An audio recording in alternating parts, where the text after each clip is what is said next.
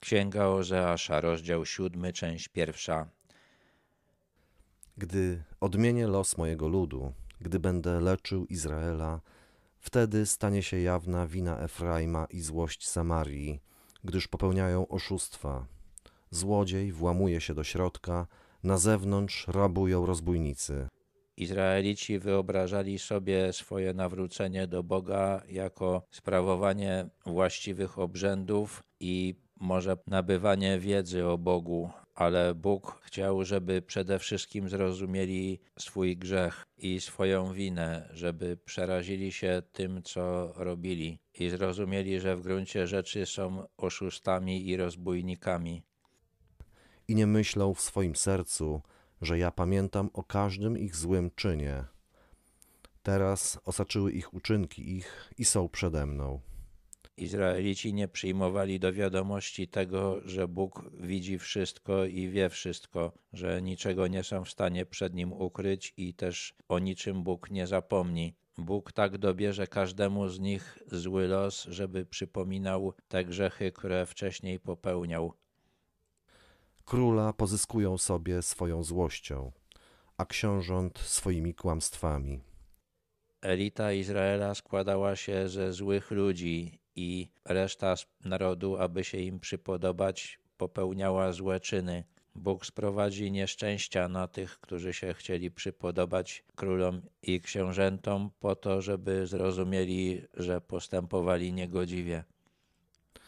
Wszyscy cudzołożą, są jak rozpalony piec, w którym piekarz przestaje podtrzymywać ogień, by rozczynić ciasto aż do jego zakwaszenia. Można tak podgrzać ciasto z zakwasem, żeby zabić drożdże i żeby to ciasto nie wyrosło. Uważam, że ten zakwas tutaj, jak w wielu innych miejscach w Biblii, symbolizuje grzech. Ten grzech to odstępstwo od Boga objęło już wszystkich, ale Bóg jeszcze czeka z karceniem. Daje czas, żeby naród zobaczył, co wyrośnie z tego odstępstwa, jakie będą jego skutki. W uroczystym dniu naszego króla książęta upili się mocnym winem i wciągnęli go do towarzystwa naśmiewców, bo ich serce jest gorące jak piec. Ich gniew przez całą noc uśpiony wybucha rano jak ogień płomieniem. W szesnastym rozdziale pierwszej Księgi Królewskiej jest opisana śmierć króla izraelskiego Eli. Jego dworzanin Zimri uknął spisek przeciwko niemu. Zabił go po tym, jak Ela upił się na uczcie u innego swojego dworzanina. Uważam, że Ozeasz nawiązał do tego właśnie wydarzenia, a ten spisek to przykład tego, jakie nastawienie mają dworzanie do króla izraelskiego. Wszyscy są rozognieni jak piec i pożerają swoich władców. Wszyscy ich królowie padają i nikt z nich nie woła do mnie. Rzeczywiście wielu królów izraelskich zostało zamordowanych przez ludzi ze swojego najbliższego otoczenia.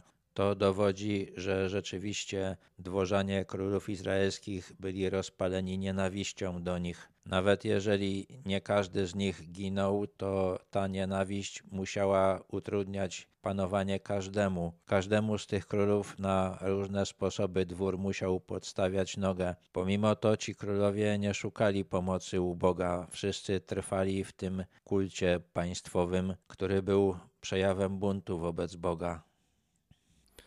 Efraim zmieszał się z narodami. Efraim stał się jak placek nieobrócony. Obcy zużywają jego siłę, a on o tym nie wie.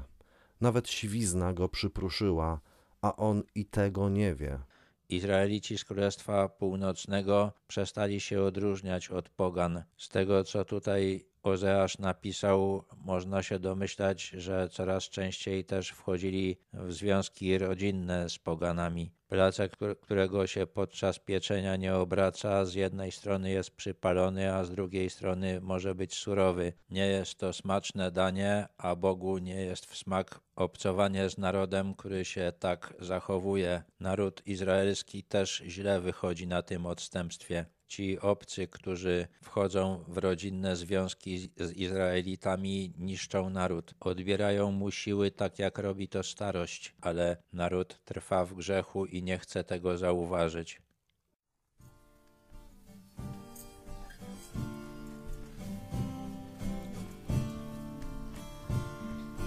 Boże, Ty jesteś mocą i zbawcą duszy mej.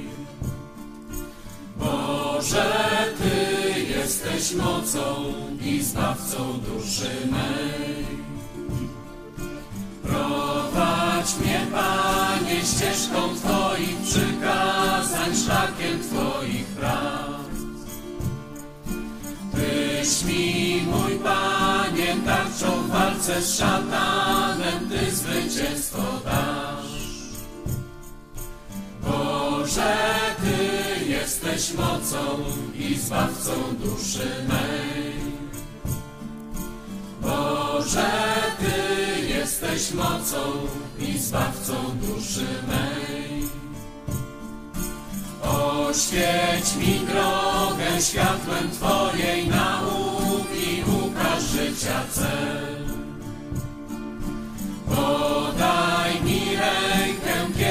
Przyjdzie rozstanie, rozproszczej się strach. Boże, Ty jesteś mocą i zbawcą duszy mej. Boże, Ty jesteś mocą i zbawcą duszy mej. Tyś jest, o Panie, ufnej wiary ostoją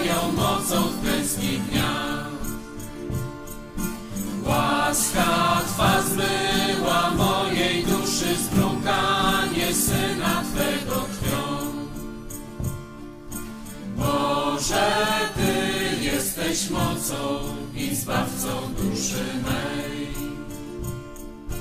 Boże, Ty jesteś mocą i zbawcą duszy mej. Boże, Ty jesteś mocą i zbawcą duszy mej.